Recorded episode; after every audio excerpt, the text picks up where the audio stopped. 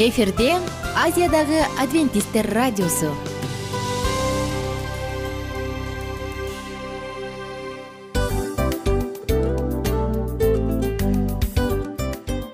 Достор салют.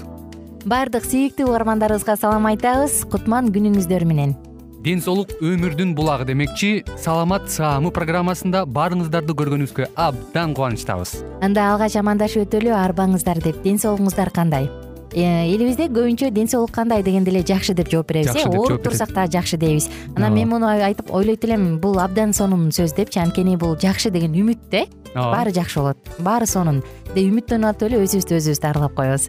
Анысы кандай? Сиздин дагы ден соолугуңуз жакшы беш деген үмүттөбүз чындыгында ден соолук бул өмүрдүн булагы деп бекеринен айтылган эмес деп ойлойм. Кыргыз элинде анткени эгерде ден соолук жок болсо анда адамдын жашоосунда калган баардык керектүү маңыздуу нерселер өзүнүн баалуулугун жоготуп коет. Ошондуктан ден соолук бул эң керектүү нерсе. Ооба туура айтасың кесиптешим чынында ден соолугуң жок бир эки үч күн ооруп калсаң эле э кандай болуп калат? Жашоодо көз каранды болуп каласың көп нерсеге жетишпей каласың көп нерсени кыла албай каласың жада калса эшикке дүкөнгө да чыга албай каласың. Туптуура анан ден соолук болсо демек биз биздин бактыбыз тоодой деп койсок болот. Анда достор саламат саамы рубрикабызды баштайлы. Алдыда өзүңүзгө керектүү болгон сонун кеңештерди уга аласыздар. Мына ошондуктан биз менен бирге болуңуздар. Ал эми биз болсо милан жана айнура. Кеттик алга. Алга саламат саама ден соолуктун жарчысы. Саламат саама ден соолуктун ачкычы. Күн сайын сиз үчүн мыкты кеңештер сонун жаңылыктар кызыктуу фактылар биздин рубрикада.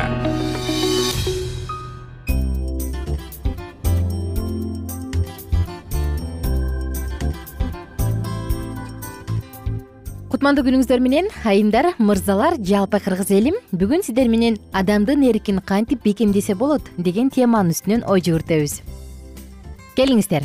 Баардык учурда жумушка киришеге даяр. Фаст фудду сүйбөгөн жалаң гана туура жана пайдалуу тамактар менен тамактанган күнүгө эртең менен пресс качать этип же көнүгүү жасаган жана бир дагы социалдык тармакта отурбаган адам барбы кана колуңарды көтөргүлөчү? Бул сиз эмеспи? Ооба мен дагы эмесмин. Эх айла жок. Бирок достор ишенесизби мындай ушуга окшош суроону укканда колду көтөрүүгө умтулган бир сонун нерсе бар. Бул өзүңдүн эркиңди машыктыруу бүгүн сиздер менен бирге эркти кантип машыктырып кантип күчтүү кылса болот? Ушул тууралуу сөз кылабыз. Адамдын эрки булчуңдарга окшош. Канчалык аны көбүрөөк машыктырсаң ошончолук бекем боло баштайт. Мына ошондуктан физиологиялык гана нерселерди эмес психологиялык принциптер жөнүндө дагы сөз боло турганда дал ушул эркти кантип күчтүү кылса болот? Мына бул жөнүндө кененирээк сөз кылалы. Эмне дейбиз достор? Баарынан мурун мээге эмне керек? Мына ушул жөнүндө билишибиз керек. Кандайдыр бир чечим чыгараарда мээде жетишпей жаткан анын толук иштеши үчүн жетишсиздик болбошу керек. Ал үчүн бизге эмне керек? Мурунку программаларыбызды бир аз эске сала кетсек кислород жана глюкоза керек. Мээ физикалык жана химиялык микробиологиялык таасирлерден корголуп турушу керек. Керектүү өлчөмдө эс алуу жана андан сырткары алкоголдук ичимдиктер психоактивдик заттардан сактаныш керек. Адамда көбүрөөк пайдалуу адаттар болгону жакшы. Андан сырткары достор тамактын сапаты маанай акыл эс иши булардын баардыгы тең адамдын эркине чоң таасир калтырат анткени анын баардыгы эгерде туура эмес болуп адам ашыкча тамак ичип ала турган болсо мээде жай жана начарлоо иштей баштайт экен. Өзгөчө э баягы түшкү тамакты катуу абдан тим эле тоё жеп жарылганы калдым деп коет эмеспизби. Дал ушундай жарыла жегенде адамдын каны баардык толугу менен ашказанга жана тамак сиңирүүчү органдарга жөнөйт дагы мээге кан айлануу жетпей баштайт. Мына ушундан улам тамакты ашыкча жээ мээге өтө эле коркунучтуу таасир калтырат деген жыйынтык чыгарганбыз. Андан сырткары мээ мындай учурда тамакка ашыкча тойгондон кийин концентрация кыла албай калат. Анда далаң уйкусуроо пайда болот. Анан биз уйкубуз келет. Ой магдырап калдым дейбиз бирок чындыгында андай эмес. Кийинки эркти кантип машыктырыш керек? Өзүңүздүн аппетитиңиз табитиңиздин үстүнөн көзөмөлдөңүз анткени бул дагы сиздин туура чечим чыгарышыңызга чоң таасир калтырат. Ошондуктан достор мээни саламаттыкты чыңдаш үчүн өзүңүздүн аң сезимиңизди жана эркиңизди чыңдаңыз. Дагы бир кийинки эркти машыктыруучу нерсе бул туура чечим чыгарыш үчүн керектүү болгон билим. Баары эле зыяндуу андай мындай деген менен бирок эмнеге экенин билбеши мүмкүн. Ошондуктан бул нерсени маалымат кылып киргизип алган жакшы. Же болбосо тамеки чеккен доктурга окшош болуп калабыз э ой чылым бул зыян дейт бирок өзү чегет. А натыйжада эмнеге зыян экенин билбейт ошондуктан чылым чегүүнү жөн гана адат катары кабыл алып коет. Ошондуктан достор эң эле биринчи кезекте деп айтпайм экинчи кезекте билим керек. Ошондой эле достор өзүңүзгө туура мотивация бериңиз.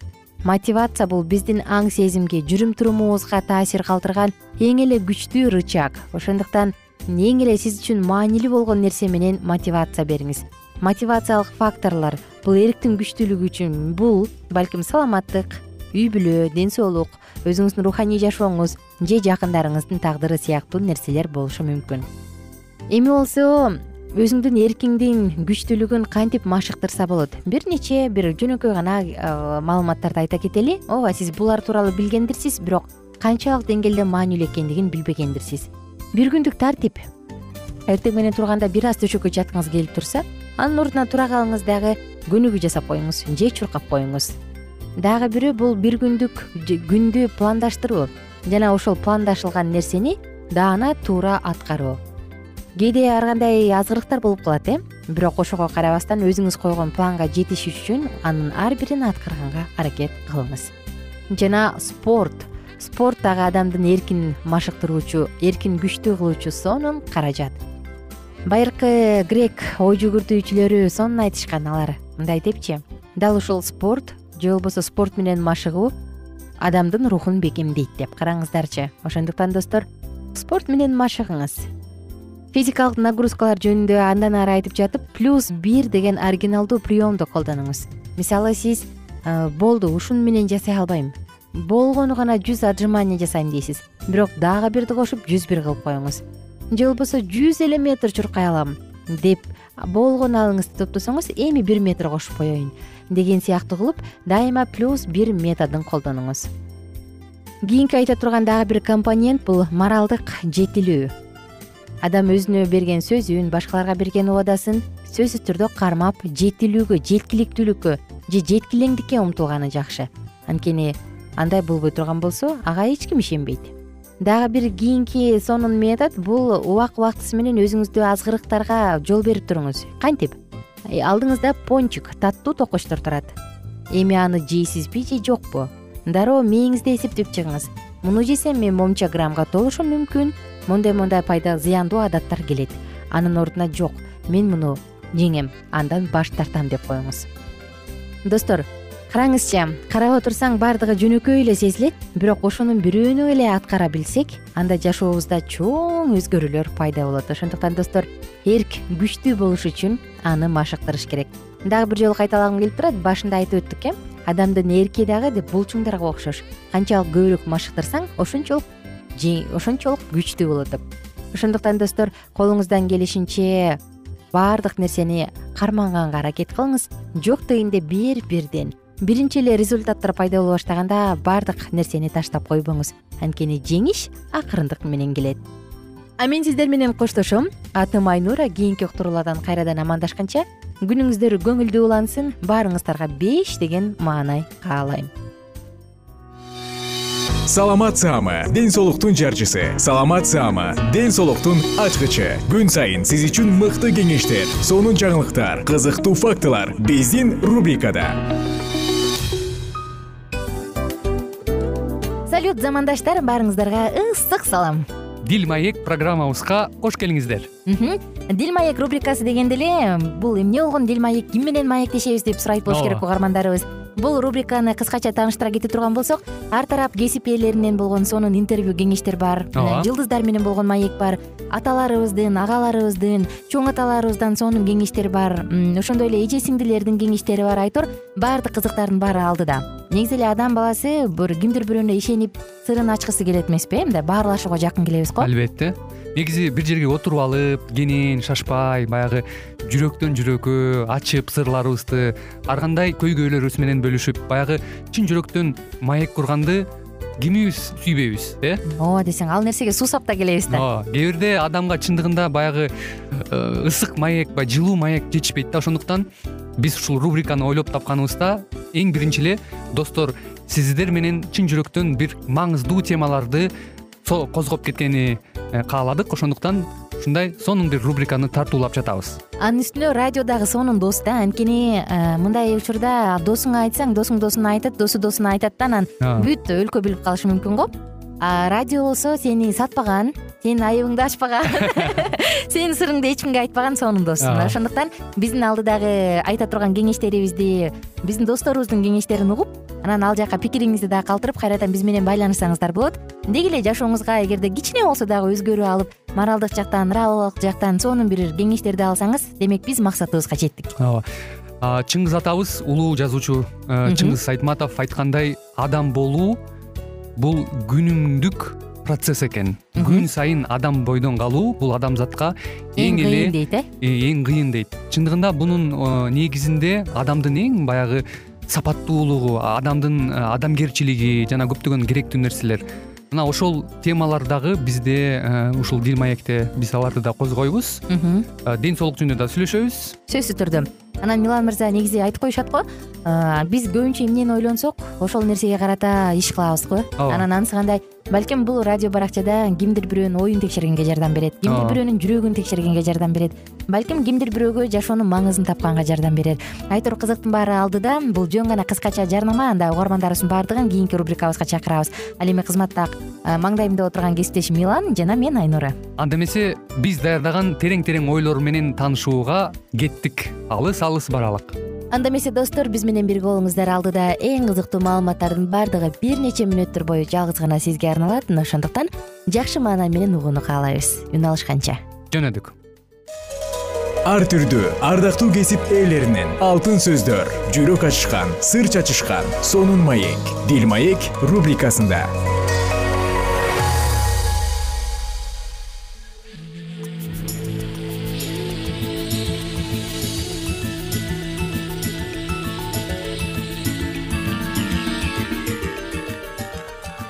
кутмандуу күнүңүздөр менен кымбаттуу радио угармандарыбыз кайрадан эле сиздердин назарыңыздарда сүйүү жоолугушуу жана нике аттуу программабызды баштайбыз. Э, бүгүнкү программабыздын чыгарылышында биз сүйүүнүн үч түрүнө деги эле адамзат муктажбы ушул туурасында сөз кылабыз. Андыктан бүгүнкү берүүдө биз менен биргеликте болуп бизди одон алыстабай биз менен биргеликте кала бериңиздер. Негизинен эле э, биз э, сүйүүнүн үч түрү туурасында буга чейинки программабызда дагы бир нече ирет айтып өткөнбүз. Ал эми Э, бүгүнкү берүүбүздө өзгөчөлүгү бул негизи эле сүйүүгө адам баласы муктажбы э, кандай деп ойлойсуң кесиптеш? Албетте сүйүүсүз бул адамзатта жаралган эмес болуш керек да.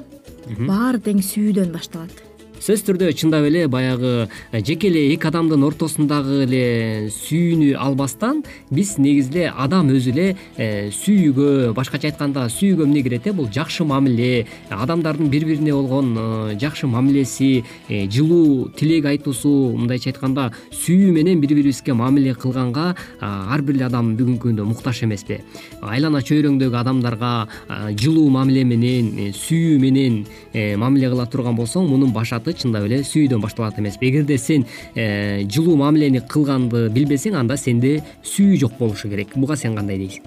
Чын эле сүйүү бул э, мисалга жакшы сөз кам көрүү булардын баары тең сүйүүгө кирет болуш керек да. Мисалга мекениңди сүйүү тоолорду сүйөбүз көлүбүздү сүйөбүз э, туулган жерибизди сүйөбүз дегендей чындап эле негизинен эле элибизде дагы жакшы сөз бар жакшы сөз жанды эргитет дейт керек болсо жылаанды дагы ийининен чыгарат деген дагы сонун сөз бар эмеспи андыктан бул жашоодо ар бир нерсенин башталышы бул сүйүүдөн башталган деп айтсак да эч убакта жаңылбайбыз андыктан кеттик достор алдыңы көздө алдыда биз э, азыркы берүүбүздө сүйүүнүн үч түрүнө негизи эле канчалык деңгээлде биз муктажбыз ушул туурасында сөз кылалы биз сүйүүнүн үч түрүн агапа сүйүүсүн достук жана денелик сүйүүнү карап чыкканбыз өткөн берүүлөрүбүздө.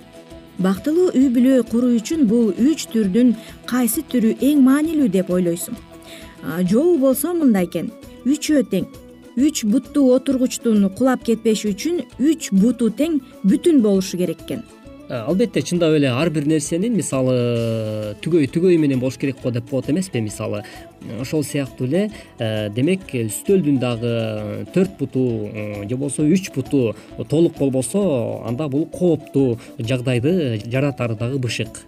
Туура бирок сүйүүнүн ушул үч түрү сенин жашооңдо өз ирэти менен келиши керек экен да. Эң биринчиден бактылуу жана бекем үй бүлө куруш үчүн өз кызыкчылыгын издебеген. Тескерисинче башка бирөөгө жакшылык кылууга умтулган агапа сүйүүсүнө ээ болуш керек экен. Андан сага аялы менен күйөөсүн бири бири менен болгон мамиледе кубаныч алган достук сүйүүсү керек. Андан албетте ар бир бактылуу үй бүлөдө денелик сүйүү да болбой койбойт экен андыктан урматтуу угармандарыбыз бул жашоодо ар бирибиз дал ушул бири бирибизди сүйөлү жана туура мамиле кылганга үйрөнөлү деген тилек менен алдыңкы көздөй сапарыбызды улайбыз Э, тилекке каршы көпчүлүк жаштар э, дене же э, жыныстык сүйүүгө көбүрөөк дагы умтулуп калган дагы учурлар бар десек дагы жаңылышпайбыз. Мисалы кыз жигит болуп сүйлөшүп жүргөн учурда айрыкча мырзалар көбүрөөк ушул денелик сүйүүнү көбүрөөк каалашат экен да. Мисалы ошол кыз менен мисалы дене кумарын кандырсам мен аны менен ушундай жыныстык мамиледе болсом деген дагы бир ойлорго чөмүлүшөт экен. Бирок мунун натыйжасы Э, буга чейинки берүүбүздө айтып өткөндөй эле биздин жашообузга же болбосо өзүбүздүн эле тагдырыбызга балта чаап алат экенбиз.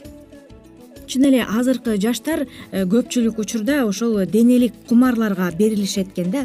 Бул аларга өзгөчө нерсе болуп көрүнүшү мүмкүн экен. Бирок алар пирамиданын чокусунан ылдый каратып туруп жатышканы менен барабар экен. Мындан эч кандай пайда чыкпайт экен турмушка чыккандан кийин беш ай күйөөсү менен жашап анан ажырашып кеткен бир келин. Күйөөм мага чыныгы сүйүүсүн көрсөтө алган жок деп жакын достору менен бөлүшкөн экен. Бул келин денелик сүйүү жөнүндө айткан жок. Алардын ортосундагы денелик жактан күчтүү тартылуу бар эле. Алардын ортосундагы достук сүйүү да бар болчу.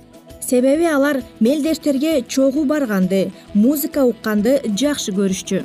Анда аларга эмне жетишкен эмес аларга өзүнүн кызыкчылыгын издеген башка бирөөгө жакшылык кылууга умтулуп сүйүү жетишкен эмес экен. Ошондой эле бул сүйүү жашоодогу кыйынчылыктарды жеңип чыкканга чейин бири бирине ишенимдүү болууга жардам бермек. Баардыгынын негизин агапа сүйүүсү түзөт экен биз сүйүүнүн үч түрүн пирамидага салыштырып карап чыккан элек. Бирок пирамиданы кумдун үстүнө кура албайбыз. Ага бекем негиз керек. Биздин бекем негизибиз бул кудайдын сүйүүсү. Биз өз күчүбүз менен башка адамдарды сүйө албайт экенбиз.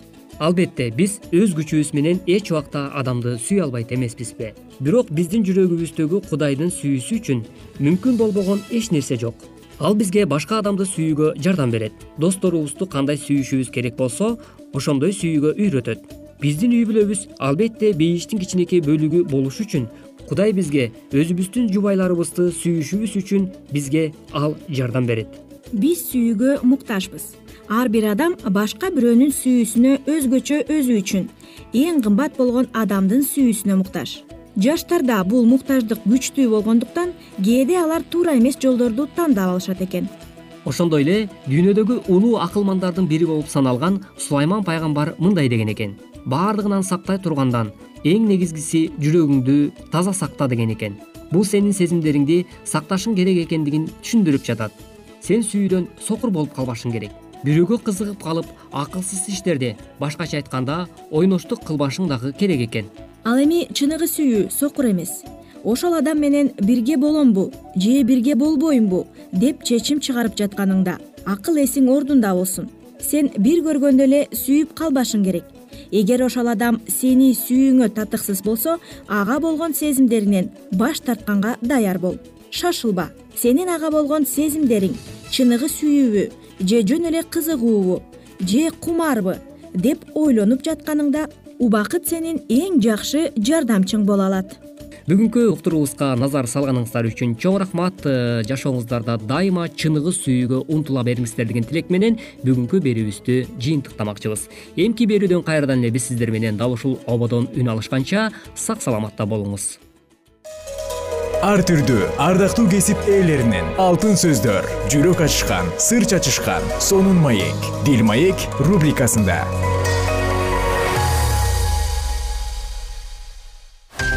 жан дүйнөңдү байыткан жүрөгүңдү азыктанткан жашооңо маңыз тартуулаган жан азык рубрикасы.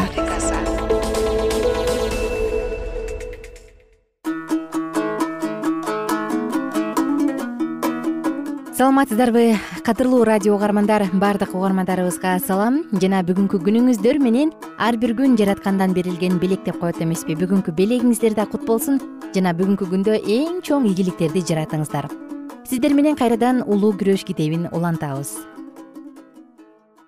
Ыйсанын мүрзөсүн кайтарып турган римдиктердин сакчылары сыяктуу аларга дин кызматчылар жана эл башчылары айткандай жалгандыкты айтышып машаяк тирилген эмес деген сөздөрдү таратышкансып спиритизмдин окутууларына ким ишене турган болсо алар дагы машаяктын жашоосунда эч кандай кереметтер көргөзүлгөн эмес дешет.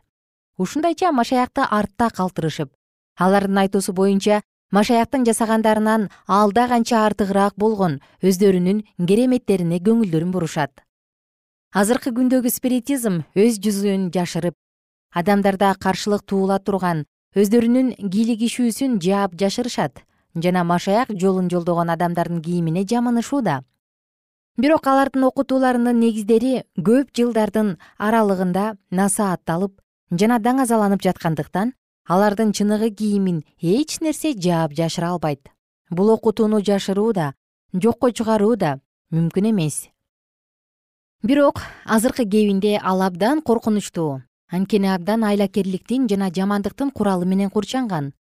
Ошондуктан ал жан кийгендиктин мамилесине татыктуу эмес. Эгерде спиритизм башында машаякты жана мукадасты жокко чыгарган болсо анда бүгүнкү күндө ал тигини дагы муну дагы кабыл алып жаткандай түр көргөзүүдө. Бирок мукадас жаңы кайрылган адамдарга жаккандай болуп талкууланып келет. Жана анын чыныгы мааниси жоготулуп жатат. Сүйүү бул кудайдын эң эле башкы сапаттарынын бири. Бирок жакшы менен жамандыкты жакшы ажырата албаган бал тилге салган аянычтуу деңгээлге түшүрүлүп кетти.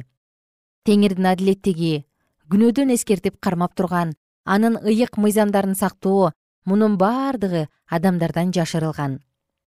Адамдарды он осуят бул жансыз тамгалар деп окутушат. Жагымдуу кызыктырган жомоктор аң сезимди тузактап жана адамдарды өз ишениминин негизи катары мукадастан баш тарттырат машаяк баштагысындай эле кабыл алынбайт. Шайтан адамдарды ушунчалык сокур кылып койгондуктан алар алдоону эч кандай байкашпайт кээ бир гана адамдар спиритизмдин айлакер күчү жана анын таасири жөнүндө туура чечим кабыл алышат. Адатынча бул окутуулар менен адамдар кызыккандыктан кокусунан таанып калышат. Адамдар ага карата чын ниетинен деле ишенишпейт жана спиритизмдин бийлигине баш ийүү жөнүндөгү ойлор алардын түбү чачын тик тургузат. Бирок тыюу салынган өлтүргүчтүн территориясына кирүүгө батынуу менен алар анын бийлигинин алдында калышат жана ал аларды эркинен тышкары эле өзүнө кызмат кылдырууга мажбурлайт. Өз акылдарынын анын карамагына бир жолу тапшыруу менен алар анын кулу болуп калышат жана өз күчтөрү менен ал азгыр жазгыруучу күчтүн алдынан чыга алышпайт. Ишенимдин чын жүрөктөн чыккан сыйынуусуна жооп берген кудайдын күчүнөн башка эч нерсе бул алданган адамдарды анын колунан куткара албайт ким өз күнөөлүү мүнөзү менен күрөшпөй турган болсо же өзүндө жашап жаткан күнөөнү өз эрки менен алды илесе өздөрүнө өздөрү шайтандын азгырыктарын чакырышып жана ага эшиктерин ачып берет. Алар өздөрү кудайдан алысташып анын периштелеринин колдоосунан өздөрү чегинишет жана качан азгыруучу аларга өз азгырыгы менен келгенде алар анын жеңил олжосу болуп калышат. Ким өзүн шайтандын бийлигинин алдына тапшыра турган болсо мунун баары эмне менен бүтөөрү жөнүндө эч кандай элестете алышпайт. Аларды өзүнө баш ийдирүү менен азгыруучу аларды башка адамдарды адаштыруу үчүн колдонот. Ышая пайгамбар мындай дейт. Жана силерге арбактарды чакыргандарга шыбырагандарга күңкүлдөп сүйлөп билгендерге кайрылгыла десе ошондо силер эл өз кудайына кайрылуусу тийиш эмеспи? деп жооп бергиле заң мыйзам менен аяндарга кайрылгыла. Эгерде алар бул сөздөрдү сүйлөбөсө анда аларда жарык жок деп жазылат ышая китеби сегизинчи бап он тогузунчу жыйырманчы аяттарда. Эгерде адамдар ыйык жазуунун барактарында жаратылыш адамдар жана өлгөндөрдүн абалы жөнүндөгү ачык жазылып калтырылган чындыктарды кабыл алышкан болушса анда алар спиритизм шайтандын бардык тартуучу жалган ажайыптары менен жалган кереметтерине толгон окутуу экендигин билип алышмак. Бирок күнөөгө толгон жүрөккө жагымдуу бардыгы уруксат болгон нерселерден баш тарта алышпагандыктан жана сүйүктүү күнөөлөрүн калтыруу кыйын болгондуктан көпчүлүк адамдар жарыктан жүз бурушуп ага карата жайып койгон шайтандын торуна барып чатышып чыга албай анын жеми болуп калганча тетир бурулуп кете беришет. Жана алар өз куткарылуусу үчүн чындыктын сүйүүсүн кабыл албай койгондуктан кудай алар жалгандыкка ишенишсин деп жалгандыктын рухун берет. Экинчи тессалоникалыктар экинчи бап онунчу он биринчи аяттар. Ким спиритизмдин күчтөрүнө каршы тура турган болушса алар адамдар менен гана эмес шайтан жана анын периштелери менен дагы күрөшүүгө чыгат. Алар асман алдындагы бийликтерге башчыларга жана жаман рухтарга каршы күрөш жүргүзүшөт эгерде асмандагы жиберилген кабарчылардын күчү менен гана алыска ыргытылып ташталбаса шайтан бир дагы кадам артка чегинбейт. Кудайдын эли аны өз куткаруучусу сыяктуу мындай деп жазылып турат дешип кабыл алышы керек. Шайтан азыр дагы машаяктын күндөрүндөгүдөй ыйык жазууну өз жалганчылыгын жаап жашыруу үчүн бурмалап талкуулай алат.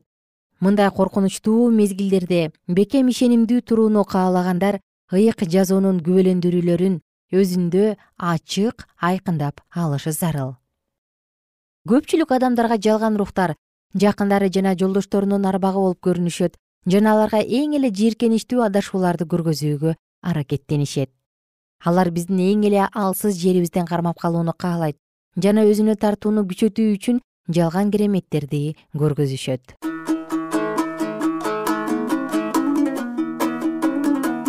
кымбаттуу замандаш. Сиздер менен бүгүн дагы улуу күрөш китебинен спиритизм тууралуу эң сонун чындыктарды ачып өттүк. Жараткан сизди дайым өз калканында коргосун. Шайтандын территориясына моюн сунуп бербеңиз ал жака кирбеңиз.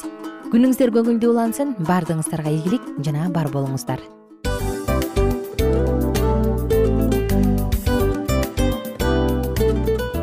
мына ушинтип убакыт дагы тез өтүп кетет экен. Биз дагы радио уктуруубуздун аягына келип жеттик. Келип кубандырдыңар эми кетип кубандыргыла деп тамашалап калышат эмеспи анысы кандай? Радио баракчабызды программабызды азыр эле баштап аткандай болдук элек. Мына соңуна келдик э? Негизи убакыт э, билинбей өтүп кетет экен?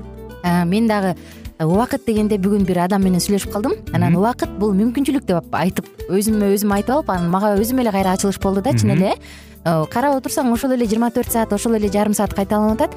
Бирок сендеги мүмкүнчүлүк жок ошол кой берилип кетти? Анысы кандай? Бүгүнкү сонун убактыңызды алтындай болгон жарым саатыңызды бизге бөлүп арнаганыңыз үчүн ыраазычылык айтабыз. Анан жашооңуздун кайсы бир сферасын өзгөртө турган сонун пайдалуу кеңеш алган болсоңуз анда биз максатыбызга жеттик. Анан ушул нерсени кылбасам десеңиз ошол өзгөрүүлөрдү кичинекей кадамдардан баштап иш жүзүнө ашырыңыз дагы жашооңузда чоң чоң ийгиликтерге жетиңиздер чын жүрөктөн ар бир берилген кеңештер сөздөр сиздерге пайдасын алып келет деп ишенебиз жана кийинки уктурууларда сөзсүз түрдө чыдамсыздык менен сиздерди күтөбүз. Сагынычтуу салам айтып кайрадан дал ушул жыштыктан баардыгыңыздарды тосуп алганча кызматта мен айнура жана кесиптешим милан анда кол каалайбыз жалпыңыздарга ийгиликтүү күн. Саламатта калыңыздар